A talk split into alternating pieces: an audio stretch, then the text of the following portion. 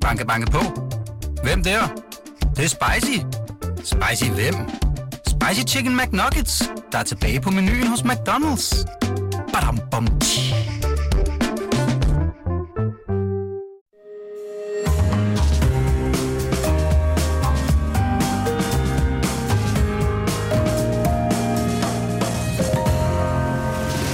Du lytter til Cordua og Steno.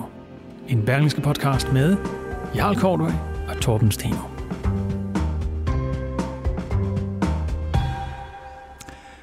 Københavns Kommune lægger i en ny sprogvejledning vægt på, at medarbejdere skal blive bedre til at tage hensyn til at anerkende øh, borgere, som for eksempel dem, øh, der ønsker, at man øh, skal altså, titulere dem øh, som er ikke bare med han og hun, men også sådan den og de og dem, og hvad de nu øh, foretrækker efter, hvilke køn de for eksempel definerer sig som.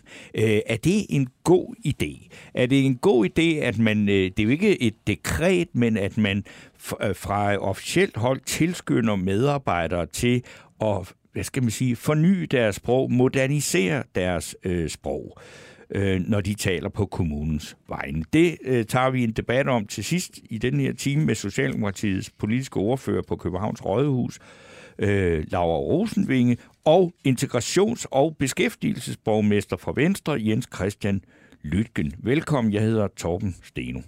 Og mit navn er Jacob Kvist, og jeg er den øh, heldige vikar for Jarl Cordova i dag.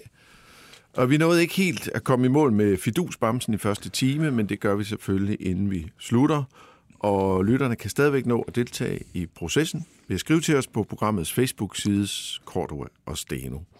Her kan man kommentere og stille spørgsmål som altid, og man kan for eksempel spørge Brasiliens ekspert Nils Vesti om, hvad der pokker der foregår i Brasilien, for ham skal vi tale med lige om lidt. Ja, det skal vi nemlig. Velkommen, Niels øh, Vesti.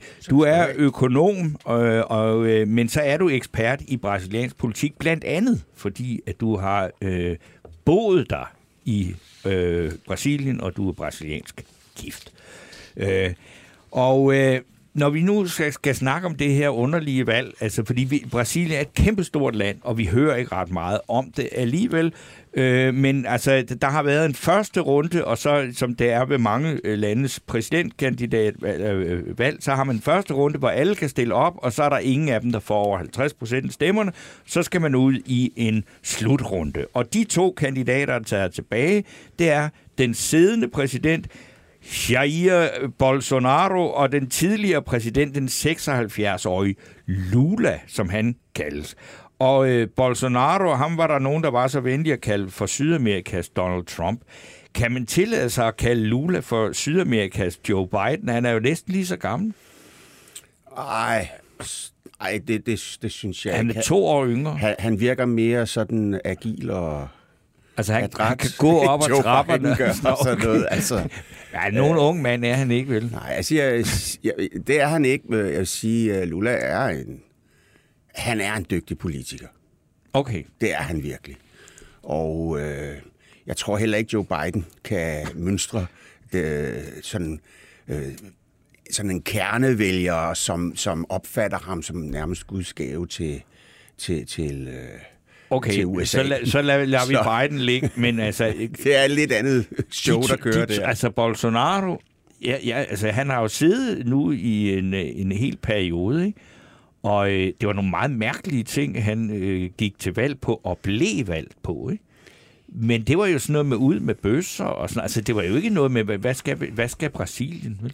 Altså, jeg tror ikke, han blev valgt på øh, hans homofobiske udtalelser. Men de hjalp da godt til, gjorde de Nej, det tror jeg ikke, de gjorde faktisk. Det kan godt være, at det har mønstret nogle af de her evangeliske, øh, evangelistiske kernevælgere, øh, og det her med traditionelle dyder, og der er kun to køn, og det, og det, det, det ene køn skal parre sig med det andet køn. De skal dele dulmerne, ikke øh, have det for sjov med det samme køn.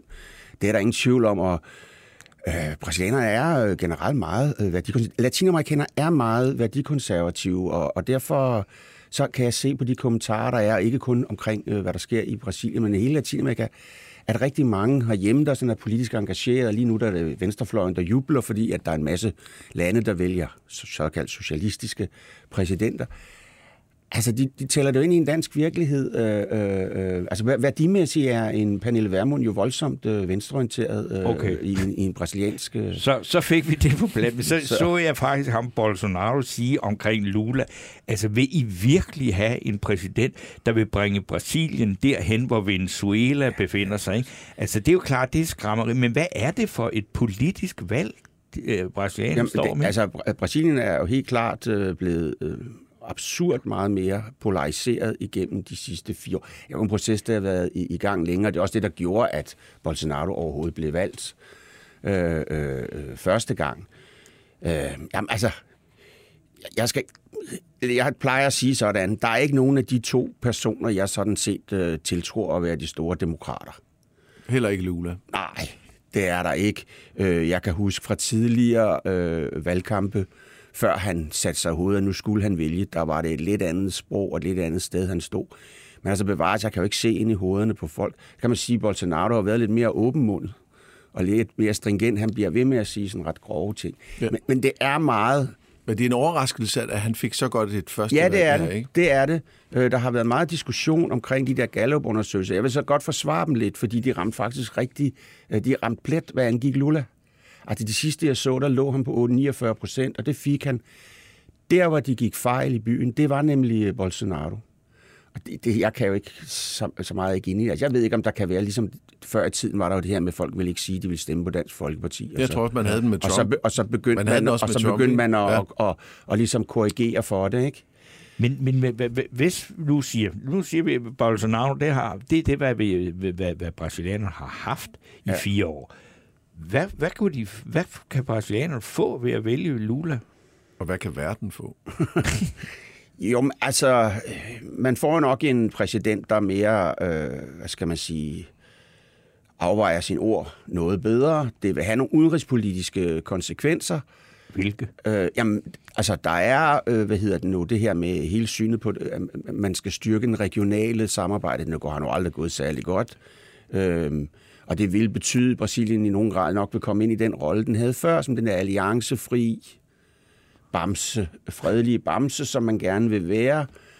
Øhm, der vil det få nogle konsekvenser. I forhold til Venezuela vil det få nogle konsekvenser formentlig, fordi der har Bolsonaro været, selvfølgelig været meget aggressiv og meget det på Trumps side, øh, og amerikanernes side i forhold til Maduro.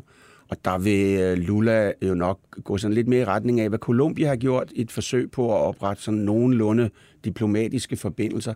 Men det er jo ikke det samme som, at Lula har en idé om, at øh, Brasilien skal laves om til et nyt Venezuela. Bevares, jeg kan jo ikke se ind i hovedet på manden, og jeg kender mange øh, petister. Min datters gudmor er en af dem her, med, der er fuldstændig... Altså hun ser lys i øjnene, når man siger Lula, og har været med øh, i, det, øh, i det parti, siden det blev grundlagt i slutningen af 70'erne. Øhm, og, og det er noget voldsomt tale, nogle af dem, jeg kender, kommer med. Altså, det er sådan noget med revolution og sådan noget. Men det er jo ikke sådan, han har ageret. Det er ikke sådan, PT har ageret. Øh, hvad med, hvad med hele den, den, den grønne diskussion? Øh, den I, fylder jo meget, når vi taler Brasilien. Ja, der fylder det, regnskovene meget og sådan noget. Gør det også det i, i Brasilien? Det kommer med an på, hvor i Brasilien du er. Ikke nødvendigvis i Amazonas, hvor det er, at regnskoven bliver fældet og brændt af. Men det gør det selvfølgelig i de store byer. Og der har jeg også set sådan nogle kommentarer om, uh, nu kommer Lula og en grøn dagsorden osv., og samtidig øh, har, har en af de overskrifter, der kørt igen og igen, at aldrig, eller der er ikke blevet brændt så meget Amazonas-sag, som siden Lula var præsident. Det står ikke det sidste i overskrifterne, vel? Mm. Øhm, det er et storbyfænomen, jeg vil kalde det, det er den moderne moderniteten øh, øh, øh, måske i, i forhold til sådan en mere gammeldags måde at se på tingene. Men der er forskel, det, det er helt klart. Og, men det handler jo også om at skabe alliancer og, øh, og hvad hedder nu, tiltrække vælgere, og det ser vi også nu. Altså, øh, så meget kort fortalt, så de mest velstående stater, der vandt Bolsonaro jo. Og de fattigste stater, der vandt Lula. Det er sådan klassisk. Det er rødt, de fattige flot, stemte på Lula, og de mere velstående. Og jeg skal sige, hvis man går mere ind og kigger på tallene, så er det faktisk det middelklassen. Brasiliansk middelklasse, det er jo ikke det samme som dansk middelklasse. Det er middelklassen, han står relativt stærkt. Det ser lidt anderledes ud, når vi kommer op i blandt de allermest velstående, fordi der finder vi altså også en del af de, der er, er offentlige ansatte. Offentlige ansatte i Brasilien, især statsansatte, de er voldsomt godt aflønnet i forhold til privatansatte. Øhm, og øh, der, der, selvom de har lavet reformer på pensionssystemet, så er det stadigvæk øh, sådan en omfordelingsmaskine fra fattig til rig, altså offentlig ansatte. Øhm, så, så der er folk stemmer ud for deres særinteresser, øh, øh, og, og, og man kan ikke sige, at PT er grøn. Altså hvis det er sådan en grøn dagsorden, det, det passer dem nu at gøre det til, at hvis du vil noget med naturen, så skal du i hvert fald ikke stemme på Bolsonaro, det er sådan set også rigtigt nok. Men hvis vi ser på historisk, hvad har øh, øh, Lulas position været? De har brugt Amazonas som sådan en slags øh, ventil. Altså, hvis der havde været lidt for meget, så kunne man sende nogle fattige op, og så kunne de få nogle jordlodder. Og det er en, en tradition, der har været der helt tilbage, også fra militærets side. Øhm, og så skal man altså lige huske på, at der er et meget øh, berømt, gammelt ordsprog i Brasilien. Pra English ver. Det er, hvad englænderne skal se. Englænderne har haft stor betydning i, i, i brasiliansk historie. Så en ting er altså, hvad man signalerer udad til, og noget andet er altså, hvad man gør indad til. Jeg vil så sige på, på miljø og, og, og det grønne, jeg tror ikke, det kan ikke blive værre. Mm. Men altså, det er jo, altså, det kan vi da måske bare lige slå fast med. Altså, at Brasilien er et meget voldsomt øh, land med voldsomme modsætninger og en enorm ja, ja. fattigdom og kriminalitet. Ja, ja. Og, er, det slet, er det noget af det, øh, som, som Lula har et bud på, fordi det havde Bolsonaro, altså han, jeg ved ikke, om han har fået gjort noget ved det, men han sagde jo kriminalitetsbekæmpelse og sådan noget. Det var noget det, af det, der gjorde, bragt ham til ja, magten. det er rigtigt. Lige præcis omkring kriminalitet er der jo ingen tvivl om, at, øh, at altså det her, det er jo den der hårde linje. Ja. Vi skyder banditterne, ikke? Øh, hvor, hvor, hvor han... Jeg ved, at Brasilien er stadigvæk det eneste land i verden, der har et uh, dagligt tv-program, hvor man kan følge kampe mellem politiet og uh, gangster uh, live. Det, ja, det går jo fra, det er stadigvæk et, det, det er der et stort underhold. Altså, kriminaliteten er jo høj, og det er der også sådan altså, BT og Ekstrabladet Go Home, ikke? Altså, du har altså nogle formiddagsaviser, som, som jo stort set ikke er andet end, end, end, end sex og vold. Um, og det er et stort problem for almindelige brasilianere. Kriminalitet er et voldsomt stort problem. Der er en stor jo, men, og, og Bolsonaro sagde, at han ville gøre noget ved det, men det er jo ikke rigtig lykkedes, vel? Det program, TV-programmet har stadigvæk jo, jo, jo, jo, men nu kan man, altså, jeg har altså ikke lige fulgt med, om det er stedet lidt eller faldet ned i den sidste øh, øh, øh, periode. Øh, men, men det er klart, altså, øh, jeg, jeg vil sige, at venstrefløjens akilleshæl i den diskussion i forhold til, hvad den hvad mange brasilianere mener, det er, at de har sådan en idé om, det er alt sammen sådan socialt øh, betinget, og der er nok en holdning blandt mange øh, brasilianere, ikke mindst middelklassen, det er skylden. Altså, det, så voldsomt er det. Altså, det er, der er jo historier om, at der er banditter, der har prøvet at røve øh, busser, og så har det været en, der har haft en pistol på sig, og så har han skudt banditten, og så har de bare stoppet bussen, og så har vedkommende gået ud, og der var ikke nogen, der havde set noget.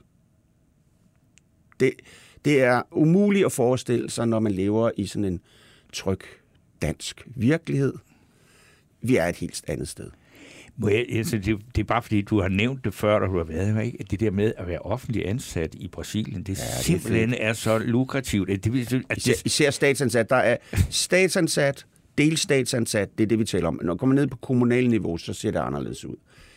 De statsansatte, ikke mindst de, der er ansat i centraladministrationen i, øh, i, hvad hedder det nu, i Brasilia og dommerstanden der, de tjener virkelig godt. Og de tjener virkelig godt også efter dansk standard.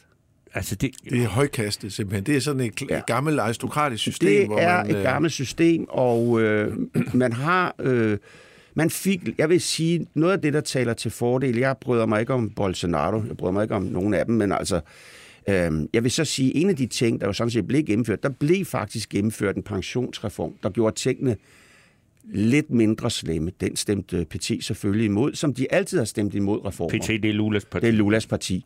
Det, der kendetegner Lula, det skal vi nok have med, det, der kendetegner Lula, både den første, øh, der blev valgt i, i nullerne, under, og præsidenten kaldte ham Lula Light, og det er Lula Light, vi får igen, øhm, det var, at øh, alle de reformer, man stemte øh, imod, man gik jo så til valg, og så sagde man, at man lovede, at man ikke ville lave det om igen. Og det har han altså ikke tænkt sig at lave om på. Og de har heller ikke tænkt sig at lave om på de arbejdsmarkedsreformer, som jeg vil så sige som økonom er, er for lidt af. Så pensionssystemet er blevet lidt mindre slemt. Men man skal også, også lige vide en ting. Den væsentligste grund til de her reformer, det er statens behov.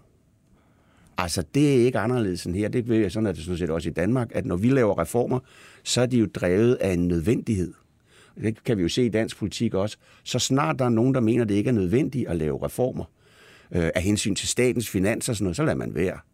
Der er jo ikke nogen her, eller, altså, øh, jeg, jeg, nu, jeg, har, jeg ved ikke, om jeg skal gøre det som måde, og så bare gå i seng de næste fire uger, så jeg slipper for at høre på det der bras. Det bliver jo ikke en diskussion af at gøre danskerne mere velstående, eller, eller gøre det til et rigere samfund på den måde.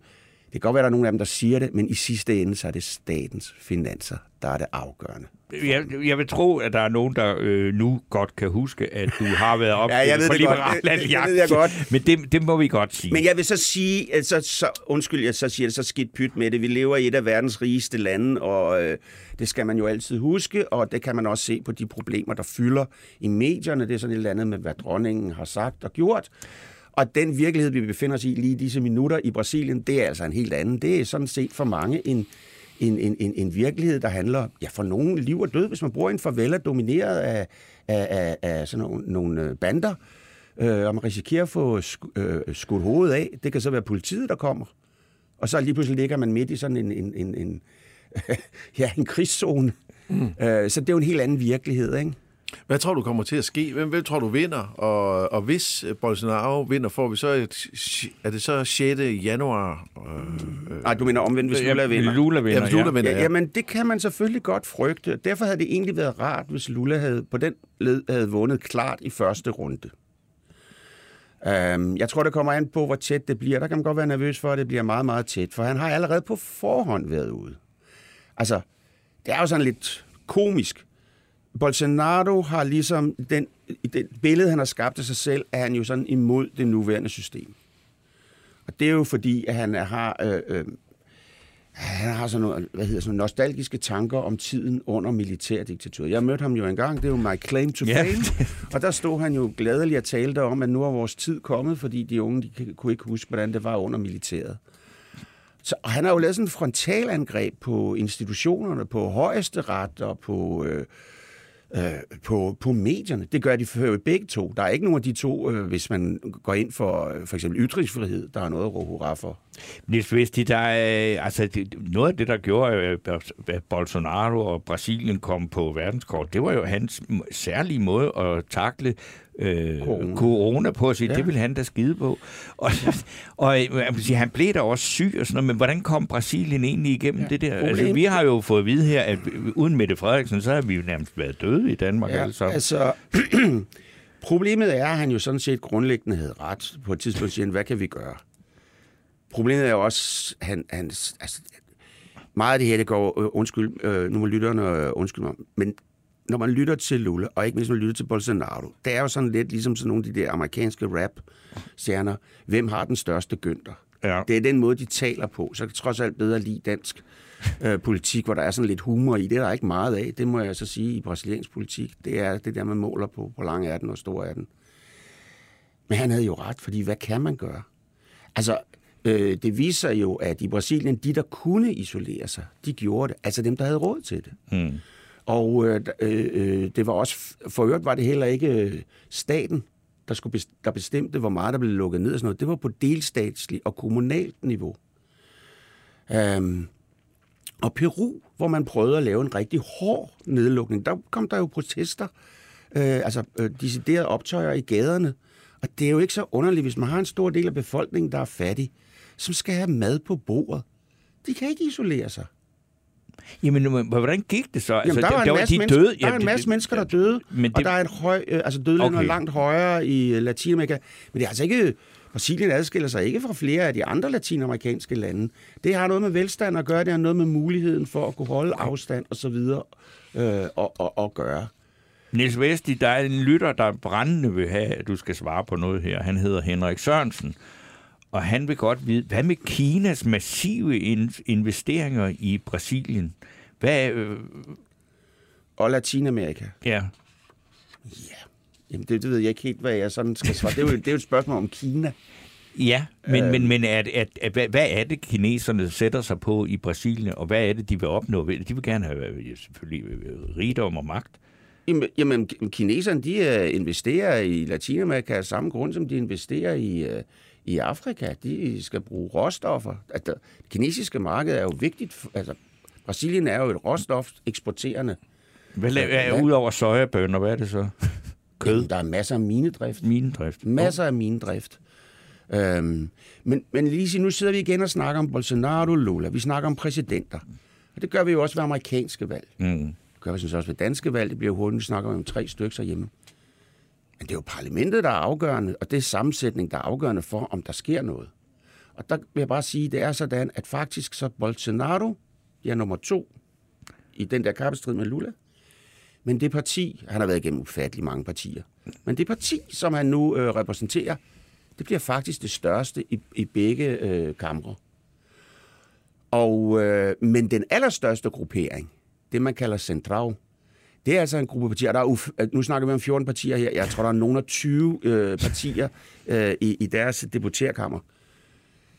De øh, støtter normalt simpelthen den præsident, øh, der bliver valgt, altså mod betaling. Øh, okay. så, så, så, og det er jo dem, der i sidste ende bestemmer, øh, hvorvidt der kan gennemføres øh, reformer eller ej. Man kan sige, at det er den store moderator, og det kan der være visse fordele ved. Der kan også være nogle ulemper ved, hvis man har et system, som er dybt, dybt funktionelt, og, og man har brug for høj vækst. Og der må jeg desværre sige, Brasilien er jo ofte blevet kaldt øh, landet af i morgen, og det kommer det til at gøre min tid ud i hvert fald. Der kommer ikke til at, at ske noget specielt positivt, og at det indhenter os og alle de her ting, som vi Okay. gerne så. Øh, Ola Overgaard Nielsen, han skriver altid en fornøjelse at lytte til Niels Vesti. Det giver jeg ham ret i. Tusind tak, fordi du kom her og talte om noget andet end den danske valgkamp. Banke, banke på. Hvem der? Det, det er spicy. Spicy hvem? Spicy Chicken McNuggets, der er tilbage på menuen hos McDonald's. Badum, bom, tji.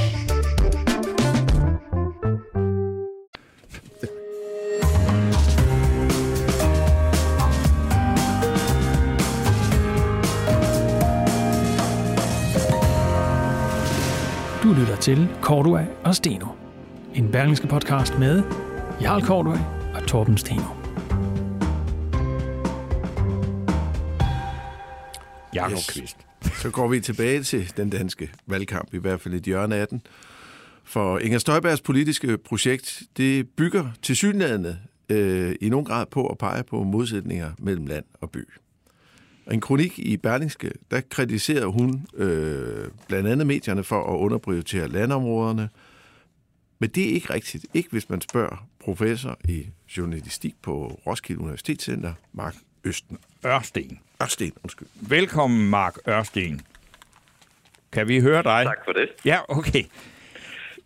Jeg kan i hvert fald høre jer. Om det er godt. Så, øh, så giver det hele en lille smule mening. Øh, men den kronik, du, du gik jo altså simpelthen, hvad skal man sige, sådan øh, systematisk, øh, akademisk til værks i dit modspil til øh, Inger Støjberg. Og, og den øh, kronik, som Inger Støjberg havde, det var den, det her, der, der, der havde overskriften, hvis man ikke kan se salongerne, er det fordi, man selv sidder inde i dem. Hvad er det, du siger, der, øh, du påpeger, som øh, Inger Støjberg har sagt og skrevet, som ikke er sandt? Jamen, øhm, det drejer sig om det der skæld mellem land og by, som jo er et populært øh, politisk skæld, ikke kun for Inger Støjberg, men også generelt i, i politik i Danmark. Vi kan jo alle sammen huske, skal vi sige, folketingsvalget 2015, hvor man pludselig tegnede det gule Danmark, og alle, der lå på den anden side af det, tænkte, det er ikke en overraskelse. Så det er jo ikke, fordi der ikke er forskelle, men det, som Inger Støjberg øh, griber fat i, det er jo mediernes dækning af de her forskelle. Og der peger vi på, at vi har, laver hvert år en rapport, som hedder Danskernes brug af nyhedsmedier. Og den har i både 2020 og i 2021 faktisk fokuseret meget på spørgsmål om lokal journalistik, og så noget også om lokale. Dækningen af det lokale. Og vi spørger simpelthen øh, helt konkret, om stedet, hvor man bor, øh, det dækkes fair eller unfair. Så hvis det nu var, at folk havde det, som Inger Støjberg antyder opfattelsen af, at nyhedsmedierne gav et meget negativt billede af at bo ude på landet, så kan man sige, så burde det fanges i, i forhold til det spørgsmål, som vi så stiller. Vi stiller spørgsmålet, så deler vi det geografisk op i Nordjylland, Midtjylland, Syd, Danmark, Sjælland og hovedstaden, altså i vores regioner. Og alle steder er der i langt overvejende grad folk, som synes, at man dækkes færre. Øh, så er der nogen, der, er, der ikke der svarer ved ikke, og så er der en del, der er utilfredse. Utilfredsheden ligger mellem 10 procent og 16 procent. Og det er jo ikke så meget, og man kan sige, at de 16 procent, de ligger så i Nordjylland, som vi også fremhæver. Der, hvor både øh, Inger Støjberg og Mette Frederiksen øh, stiller op. Der er man så mest utilfreds med den dækning, man får.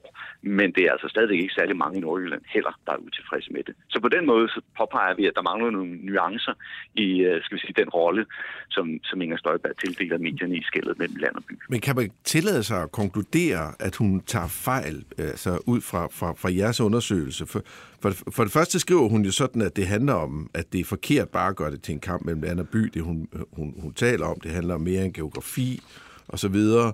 Og at, at den der opstilling af land mod by sådan set er, er medierne, skriver hun. Men så går hun så også længere ned i kronikken, der skriver hun for eksempel, har hun nogle eksempler på den skævvridning, hun så alligevel mener finder sted i perspektivet. Og der nævner hun sådan noget som øh, opstandelsen, når statslige arbejdspladser bliver flyttet ud, af, ud i landet, øh, i forhold til den tavshed, der, øh, øh, der gælder, når det går den anden vej. Og det er der vel noget om, altså at perspektivet, ligesom i de store medier, i den, i den øh, nationale dagsorden, der kører, øh, er sådan centristisk. Jamen, altså, det er rigtigt, der er forskel på, hvad den nationale dagsorden er. Altså, hvis vi deler det op i de landsdækkende blade, ikke? de landsdækkende nyhedsmedier, og så de regionale og lokale nyhedsmedier, det har vi også kigget på i forbindelse med det seneste kommunalvalg. Um, og der var det jo for eksempel sådan, at hvis man kiggede på dagsordenen i København, så var den meget centreret omkring klima, og kiggede man på dagsordenen i resten af Danmark, så var klima der også, men det var også i høj grad et spørgsmål om børn og ældre, og, og skole og, og sundhed og sådan ting. Altså, så der er jo en forskel på, hvad medierne dækker, men om den forskel på en eller anden måde er med til at, at skabe skal vi sige, kløfter mellem det ene eller bare et forskel i fokus. Altså vores argument er, at medierne fokuserer forskelligt, men der er det forskellige fokus ender ikke med, at folk, der bor uden for København, har en opfattelse af, at de dækkes åndfærd. Så det er det, der er resonemang. Men er det ikke, er det ikke sådan, at, at dem, som, øh, og som jo også er der, hvor Inger Støjberg skal hente sine øh, kernvælgere, det kan da godt være, at de føler, at deres områder og problematikker er mediemæssigt fint dækket af regional med, men de ved godt, at når, når, når Inger Støjberg nævner det med salongerne, så er det jo, at dem, dem der læser øh, og skriver og øh, holder af politikken, det, det ved der, de, der, der får de da ikke nogen god omtale. Vel? Øh, mener du politikken som avis, eller mener du politikken ja, som Ja, politikken som, øh, som medie. Øh, nej, men det er jo rigtigt. Altså, vi har jo i Danmark et, et, et pluralistisk mediebillede, det vil sige, at vi har aviser, som, som i udgangspunktet kan placeres på en højre-venstre skala. Der ligger politikken typisk på det, der hedder centrum-venstre, og Berling skal ligge typisk på centrum-højre. Men i pluralismens tegn, så er det jo en fordel, at vi har forskellige perspektiver. Så hvis kritikken er, at der er folk, der mener noget andet end Støjberg, de sidder på, på politikken, så er det jo sådan set rigtigt nok. Det har bare ikke så meget at gøre med et skæld mellem land og by, men har måske noget at gøre med politiske forskelle, som der selvfølgelig er, også mellem land og by, men også mellem vores medier. Men når du nu føler dig kaldet til at gå i rette med hende, ikke? Altså, hvad, hvad, er det, ja. hvad, hvad er det, du synes, der er den, den store, utilgivelige løgn i det, hun egentlig skriver? Fordi, jeg, når, som jeg læser så er det jo også meget sådan en... Altså, og det må man sige, det er jo sådan set næsten hele hendes politiske budskab. Det er en følelse.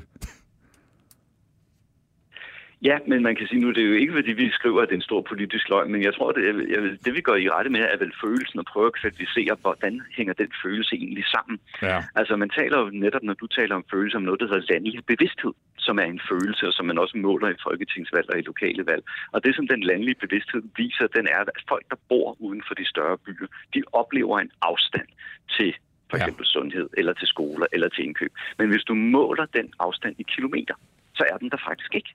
Altså, så får du ikke den samme opfattelse. Så det er jo netop et forsøg på at kvalificere, skal vi sige, følelsen med nogle fakta og sige, det er godt være, at man føler sådan, men hvis man spørger folk direkte, så føler de det jo godt. Altså, men, men hun skriver, bare, de, hun skriver jo også direkte, at, at, det er, at det er, at mange har travlt med at få det til at se ud, som om det er en kamp mellem land og by. Det er forkert. Overalt i landet, også i København, møder man danskere, der synes, det er ved at gå for vidt. Alle de ting, hun så synes er ved at gå for vidt. Så spørgsmålet er, er det, er det hendes egentlige påstand, at, at, det, øh, at, at den afstand, man føler, er konkret og geografisk? Taler hun i virkeligheden ikke om en mental afstand? Jo, men hun taler da i høj grad om mental afstand, men det er derfor, man kan sige, at den mentale afstand, det er det der oplevelsen af, hvad der er rigtigt og forkert, har man jo lov til at have. Men hvis man ønsker ligesom at kvalificere det eller bygge en politik på det, så kan det være meget godt lige at skal vi sige, tjekke efter og se, om den her oplevelse, om den her følelse, hvor meget hold har den egentlig i virkeligheden. Okay. Professor ved... Og det, man siger, det er det, Ja. Det er det, vi prøver at, at bidrage til. Okay. Yes. Øh, tak til dig, Mark Ørsten, professor i journalistik ved øh, RUK.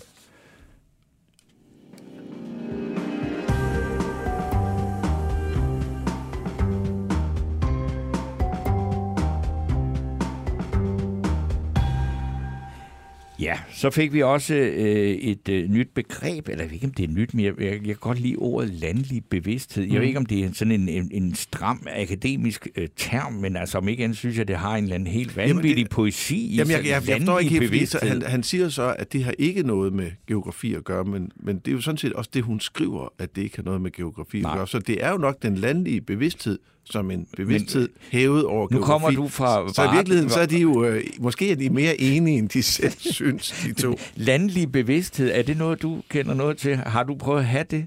Mm, ja, det, øh, det tør jeg ikke sige. Det har jeg sikkert. Nå, men jeg synes, det er et vidunderligt udtryk, landlig bevidsthed. Men øh, vi, vi er jo altså i gang med øh, et, øh, en særlig udgave af Korto og Steno, fordi den faktisk øh, hedder Kvist og Steno i den her uge.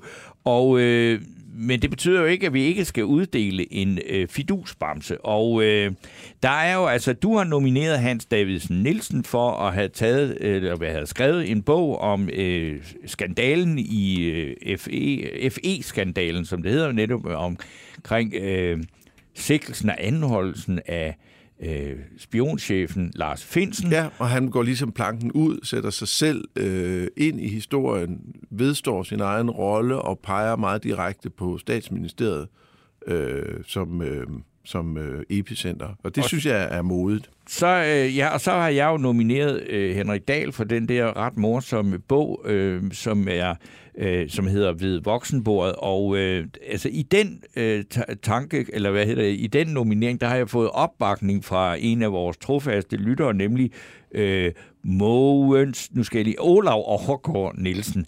Øh, men vi skal, altså vi skal snart have en Og vi debat. havde også et lytterforslag. Ja, så var det var Ali Ali Mali Ja, øh, for den der, en, øh, en, øh, altså han har begået et skriveri omkring, at han synes, at det er påfaldende, at der er så mange øh, muslimer i Danmark, som ikke bakker op om øh, den iranske, eller hvad tørklæde Ja. øh, revolution der. Ja.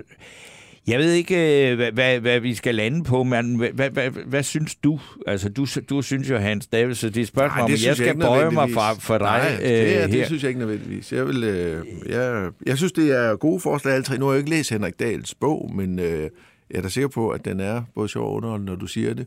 Og jeg synes også, det der øh, er, er, er sandt. Jeg, jeg bliver jo altid mødt med modargument, skal vi så tage afstand fra alt muligt, men det ville virkelig være befriende, hvis man, hvis man så en eller anden form for øh, rejsning blandt øh, folk om, om øh, folk, der bor her, og som er knyttet til det område, som gik ind og støttede de kvinder her. Det, det nu, synes jeg godt nu, nok ville nu smider jeg lige en lille rart. bombe her, og specielt mm. en af dem, øh, som øh, en af de lytter, som jeg citerede fra, eller som skrev det med, med at Niels Riese Ebbesen, han vil få det rigtig dårligt, når jeg siger det her. Men altså, jeg så jo den der øh, øh, partilederdebat i går aftes, ikke?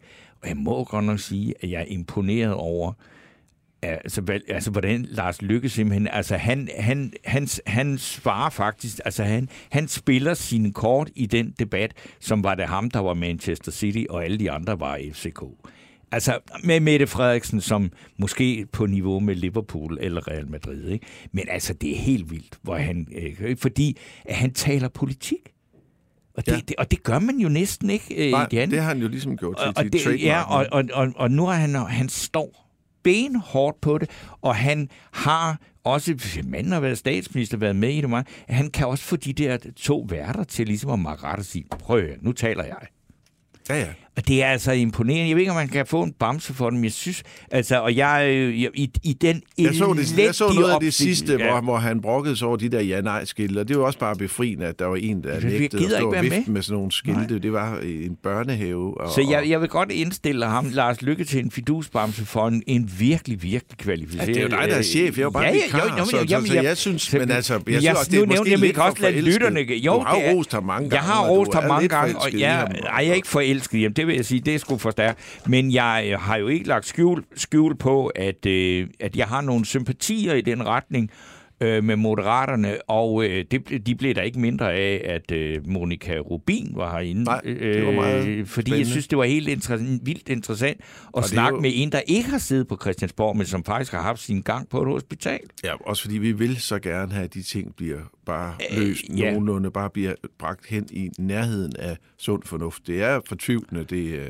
den okay. tilstand. vi lader er den stå, vi lader den hænge lidt endnu, om det skal være Hans Davidsen Nielsen, Lars Lykke eller øh, Henrik Dahl, fordi nu øh, skal vi åbne op for dagens øh, debat.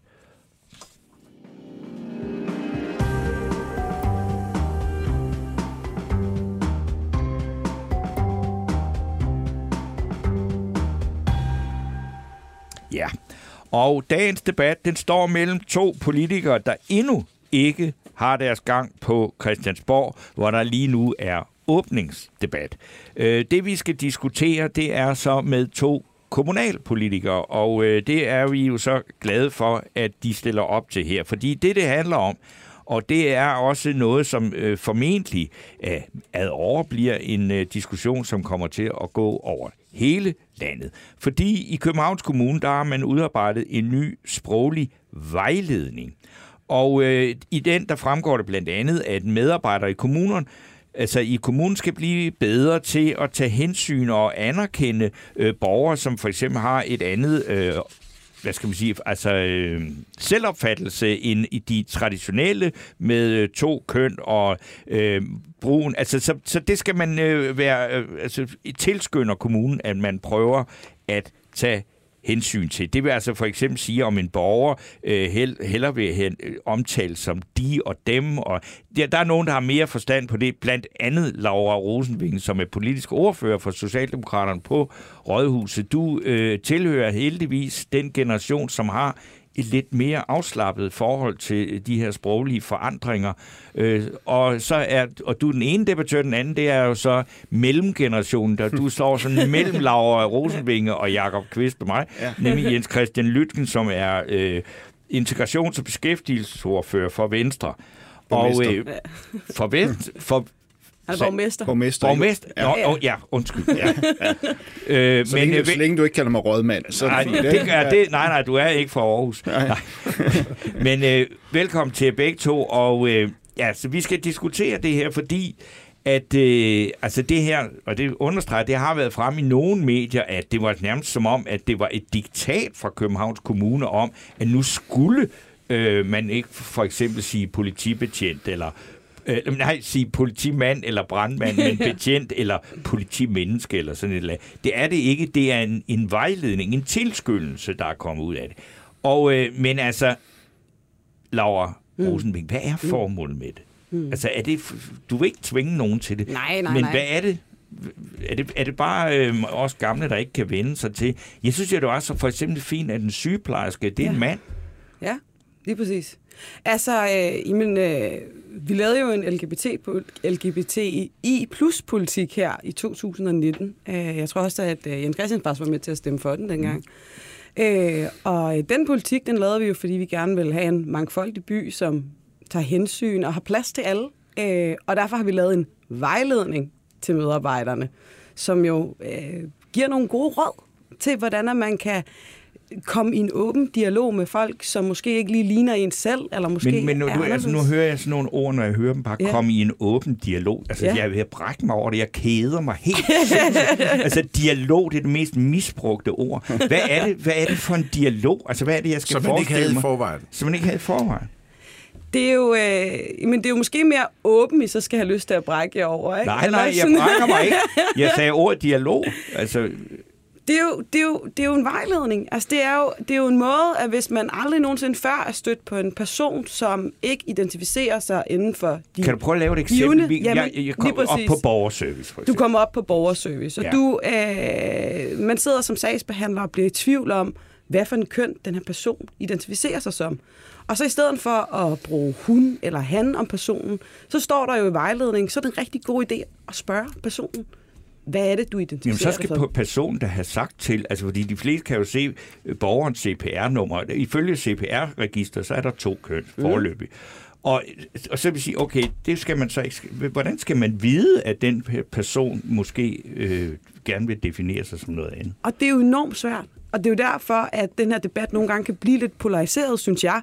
Fordi enten så er man imod det her, eller også så er man for det. Fordi det er jo svært, og det anerkender vi. Det er derfor, vi laver en vejledning til medarbejderne og siger, jamen prøv at høre, det er ikke altid, at personnummeret... Det lyder som om, at du siger, gud, ham der, eller hende der, eller høm der, ser da virkelig mærkeligt ud. Så må vi da hellere prøve at spille noget helt tredje ind og sige, han det, og bliver jo, hun. det bliver jo lidt kunstigt, hvis man skal spørge alle. Nej, men det er jo heller ikke det, det, er jo heller ikke det jeg siger. Nej, men det er faktisk det, der står. Det, det, er jo, det, ah, det synes jeg nemlig ikke, der står, hvis man er i tvivl. Okay, Jens Christian Lytten, hvad, hvad kan tillade sig at være i tvivl. Jamen, jeg synes jo netop ikke, der er noget som helst dialog over den her vejledning, fordi den vrimler jo med skal og bør hele vejen igennem, så der er ikke så meget at være i tvivl om. Der står faktisk her, du bør heller ikke antage at kende en persons køn. Så det betyder, at hvis du tropper op på kommunen, øh, så må jeg ikke, selvom jeg har en idé om, at dit CPR-nummer, øh, der står du er mand, og jeg synes også, fremtoning ser også ud, som om du er mand, så må jeg ikke antage det. Så skal jeg faktisk spørge. Det, det, så er det, det jo står. faktisk samtlige mennesker, der kommer op på borgerservice. Ja, fordi jeg må ikke Det- antage. Jeg har jo en begrundet antagelse om, at du er en mand. Øh, men det, øh, det må jeg ikke antage. Øh, så jeg skal faktisk spørge om dit køn. Det er faktisk det, der står her. Ah, det er igen en vejledning. Ej, det er det er igen en ikke vejledning. noget, hvad, hvad er det konsekvensen skulle være? Men det er Altså, jo det er jo- vejledning, hvor der står skal og bør hele vejen igennem. Og det er jo også sådan, når man tænder sin kommunale computer, det første, der propper op på intranettet, det er den her øh, sprogvejledning. Den ligger som den første ting på internettet. Så det er jo noget, der kommer ud øh, til alle vores medarbejdere. Og når man læser sådan en vejledning igennem, hvor der står skal og bør hele vejen igennem, jamen så kommer det jo til at afspejle den måde, man agerer på, og man kommer til at ændre sproget. Øh, og det er det, jeg opponerer imod. Jeg synes, det er en forvanskning af sproget, det her. Men må jeg ikke spørge dig om ting, Laura? Jo, Jeg det er nysgerrig rigtig på det, fordi jeg synes, at, at, at, at vejen til helvede er jo tit brolagt med gode intentioner. Byråkratier er tit brolagt med, med gode viljer og ting, man vil indføre og sådan noget. Og jeg kan godt se den gode tanke bag alt det her. Ja. Men hvis man nu øh, siger, følger det her og siger, at det faktisk er noget, man skal bruge kræfter på, det er ikke sådan en undtagelsestilfælde, det er faktisk noget, man skal omlægge og implementere og, og, og gøre og, og gøre umage med, er det så ikke lige, altså når vi sidder og snakker om, hvordan den offentlige sektor bløder alvorligt mm. i alle ender og kanter, er det så noget at bruge tid på? Er det noget at bruge kræfter også på rådhuset på?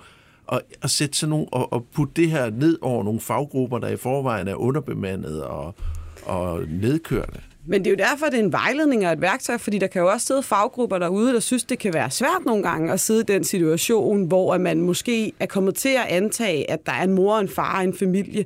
Men det er der ikke altid. Nej, det forstår jeg godt. Jeg forstår godt den og, gode intention. Og derfor, den gode intention er et værktøj, Ja. og det er ikke vejen til helvede. Jeg synes nemlig, det er det, der er ærgerligt ved den her debat. Det er Ja, enten, men det er kun, hvis det er rigtigt, hvis der, alle mennesker skal forholde sig til, hvis alle skal bruge kræfter på det. Det er det, jeg mener. Jeg kan godt forstå, at man skal at, at der, man kan komme i nogle særlige situationer, hvor man siger, at det her det er et anderledes billede, og det skal vi kunne håndtere. Ja. Det forstår jeg godt. Og derfor så synes jeg, at den her er rigtig god, fordi jeg synes faktisk, det er en, der kan vejlede dem, når man er i tvivl, og når man gør det. Jeg synes ikke, det er vejen til helvede. Og det er ikke, der er ikke nogen, der siger, at man ikke må bruge mor og far længere. Nej, det der er jeg ikke godt. nogen, det er der mig, siger, du at man sige. ikke må Vejen bruge til han helvede, og det er jo kun det med de gode intentioner, der nogle Ja, gange men- fylder for, øh, kommer til at skygge for Men jeg noget synes andet. bare, det er så ærgerligt, den her debat, fordi enten så bliver det sådan? Det er ikke den, vi har her. Nej, det er vi det. ved ja, godt, ja, det ikke er ja, sådan. ja, fordi, og jeg tror også bare, at det er vigtigt for mig, også som socialdemokrat, at sige, der er jo heller ikke nogen, der bliver slået i hovedet, hvis man ikke bruger de rigtige pronomer over for folk. Det er jo det, der er vigtigt at sige. Man skal bare vise hensyn så godt man kan, og det er det, et Men det, er rigtigt, men det er så lige øh, lidt mere skærpet end bare vise hensyn, fordi der står, at man bør gøre det, man skal gøre det, og så videre, hvis man vil have et kønsinkluderende sprog. Jeg synes jo, vi, skulle, altså, vi har jo faktisk en kommune, vi har vedtaget, vi har sådan en tillidsbaseret ledelse. Vi ant- antager, at vores medarbejdere godt selv kan finde ud af at tænke, og de går rundt og krænker folk og fornærmer den i en, i en uendelighed. Øh, og jeg har aldrig hørt nogen medarbejdere efterspørge sådan en vejledning i forhold til, til det her de fleste af vores medarbejdere, de kan jo sagtens finde ud af at opføre sig ordentligt og pænt og, og, og lade være med at, at fornærme folk. Så jeg, jeg forstår simpelthen ikke behovet for det her. Jeg må også sige, jeg bliver jo sådan set også, altså hvis jeg var lidt mere øh, filfølende, så ville jeg jo også blive krænket, fordi nu bliver jeg ikke omtalt som far til mine to sønner, men som forældre i flertal. Altså, så det er jo også det store flertal, som ligesom, øh, jo, det står der nemlig, det skal man, man skal kommunikere øh, forældre og ikke skrive far og mor. Øh, det står der Det er jo ikke i den direkte borgerkontakt. Der må du gerne. Det er jo det, der er jo ikke noget sted, der står, du ikke må sige mor far.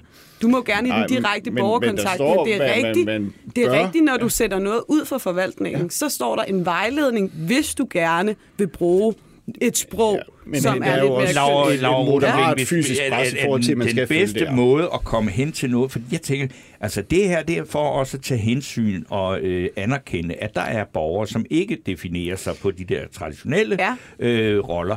Og, øh, men, men jeg synes da også, det i virkeligheden er enormt øh, hårdt over for de medarbejdere, som skal sidde og tænke på, er det nu sådan det? Altså kan man ikke sige, at, at man kan øh, gennemføre det her i det øjeblik, at borgeren har indgivet øh, på skrift, at jeg definerer mig sådan, sådan, altså fordi nu har vi det sådan, at det kan du ikke, men det, men det er det, der skal til. Hvis borgeren selv har sagt, jeg er hverken en mand eller en mm. øh, kvinde, mm. og så kan medarbejderne sige, godt, der har vi en af dem, mm. så skal jeg sige sådan. Ja. Men mere, at du, at du lægger dig et enormt pres faktisk på de der borgere, eller medarbejdere, der skal sidde og vurdere på, om folk kunne føle sig krænket.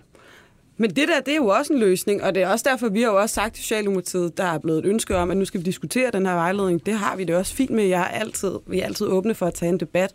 Jeg tror, at i det tilfælde, vi har nogle medarbejdere, som måske har fået en skriftlig anerkendelse, eller en person, der sidder over for dem, der har jeg ikke den samme opfattelse som Jens Christian, at det her det slet ikke er et behov, der er derude. Jeg tror faktisk, der er nogle medarbejdere, der synes, det er rart, at der så ligger en vejledning til, hvordan kan jeg Du siger, du tror det. mere. Ved du det? Har I, har I fået Nej, men- men- tilkendegivelser men- fra medarbejderne om, at det her, det, nej, hvor vil vi gerne have noget vejledning? Vi har da i hvert fald fået tilkendegivelser fra en masse københavnere, der har sagt, at de ikke føler sig inkluderet.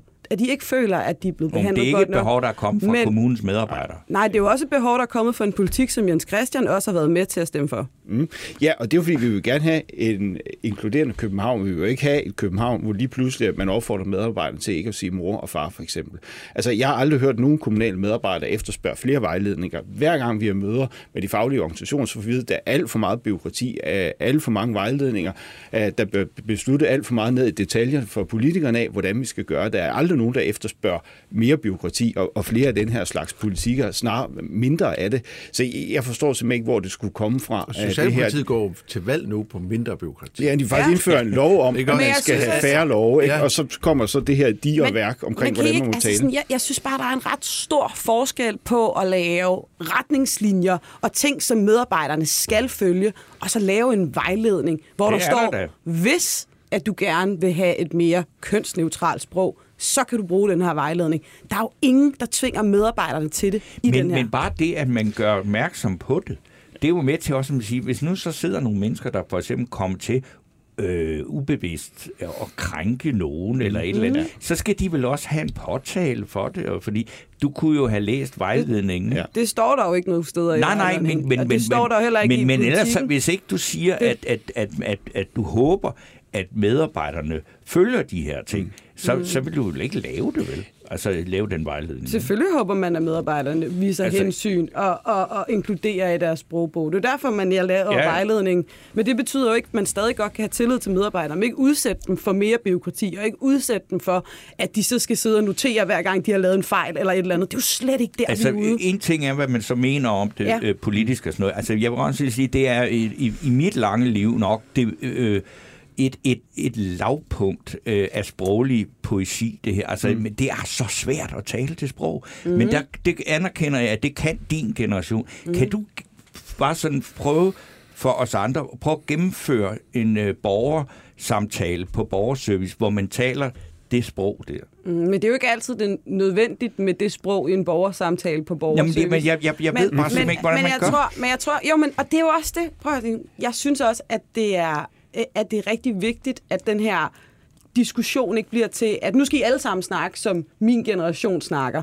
Fordi det er da helt forståeligt, at når man ikke er vokset op med det, når man ikke har har måske haft en i klassen, der, der, der øh, havde to mødre, og alle de her ting, Ja. som mange af vores generation har, og derfor er blevet vant til det, så forstår jeg godt, at det kan tage lidt længere tid. Rom blev ikke bygget på en dag. Det er helt sikkert, at det ikke er noget, at vi forventer, det sker i morgen. Men det gør ikke noget, at man prøver at tage et skridt i den rigtige retning.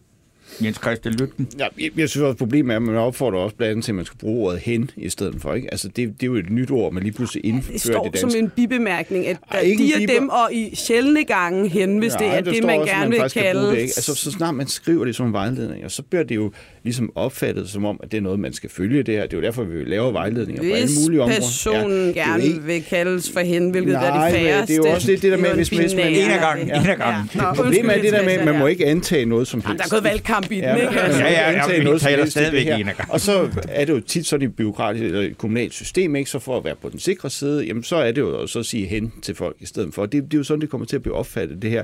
Altså, det, det er jo meget, meget øh, omfangsrig af vejledning, Men- men- den her. Det er også derfor, vi har bedt om at få taget det op i økonomiudvalget. Kan vi ikke få luet lidt ud i det her, øh, sådan det er noget, der rent faktisk er brugbart, og som ikke skaber mere byråkrati, og som direkte ødelægger sproget. Fordi jeg synes også, det skaber simpelthen nogle forståelsesmæssige problemer, når man, når man skal formulere sig på den måde. Men Jens Christian Lytten, er du ikke, øh, altså, øh, du er en, altså så øh, ung en politiker alligevel, du kommer til at opleve, at, at lederen, at den næste leder, eller næste igen leder af dit parti, er ikke formand, men forperson for Venstre.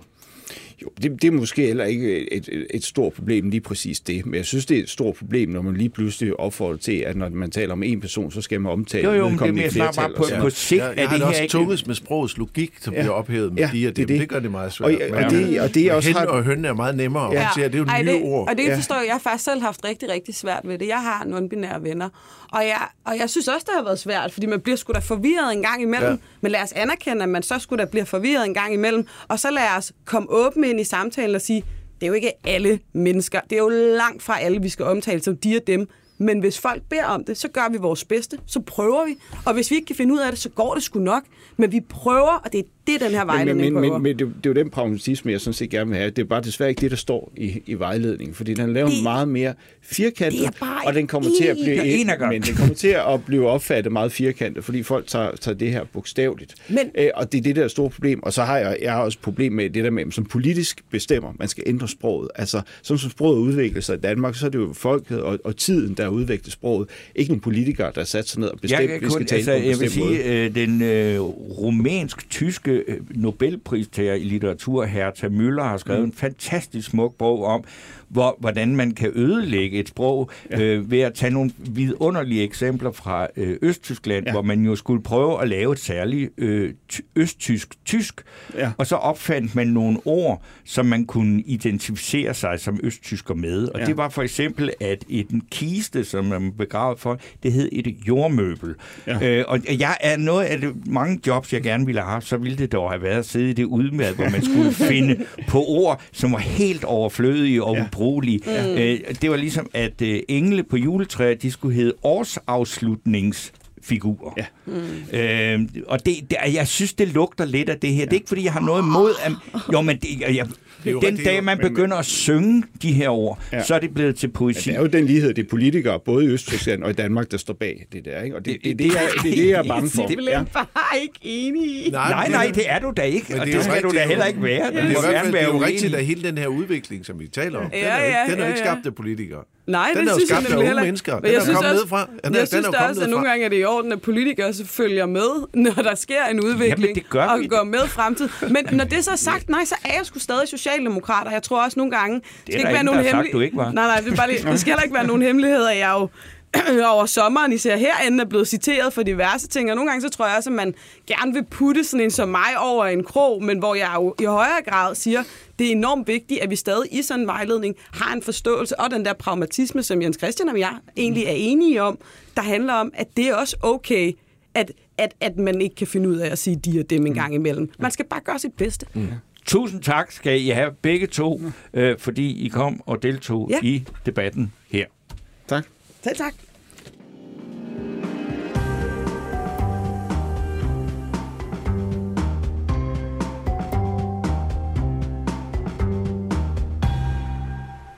Vi har ikke ret meget tid tilbage, og vi har stadigvæk en bamse hængende i luften. Der er faktisk mange kandidater nu. Jeg kom næsten til at øh, nominere, eller jeg ved ikke, om jeg gjorde det helt, øh, Lars Lykke. Jo, det er der så nogle af lytterne, der bakker op om. Så er der jo Hans Davidsen Nielsen øh, fra Politikken for en modig bog, om hvor han bringer sig selv i spil og øh, kaster lys over FE-skandalen. Og så er der Ali Aminali, og så er der Henrik Dahl. Og nu vil jeg så sige, det er meget sjældent, at du er her. Øh, du har gjort det glimrende som vikar. Du får lov at bestemme.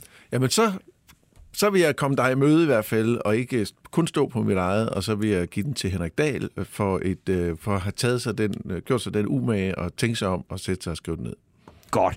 Øh, ugens fidusbamse går så til Henrik Dahl for bogen øh, ved voksenbordet. Og så har jeg egentlig ikke ret meget andet at sige, end at denne her øh, særlige udgave er forbi lige om lidt.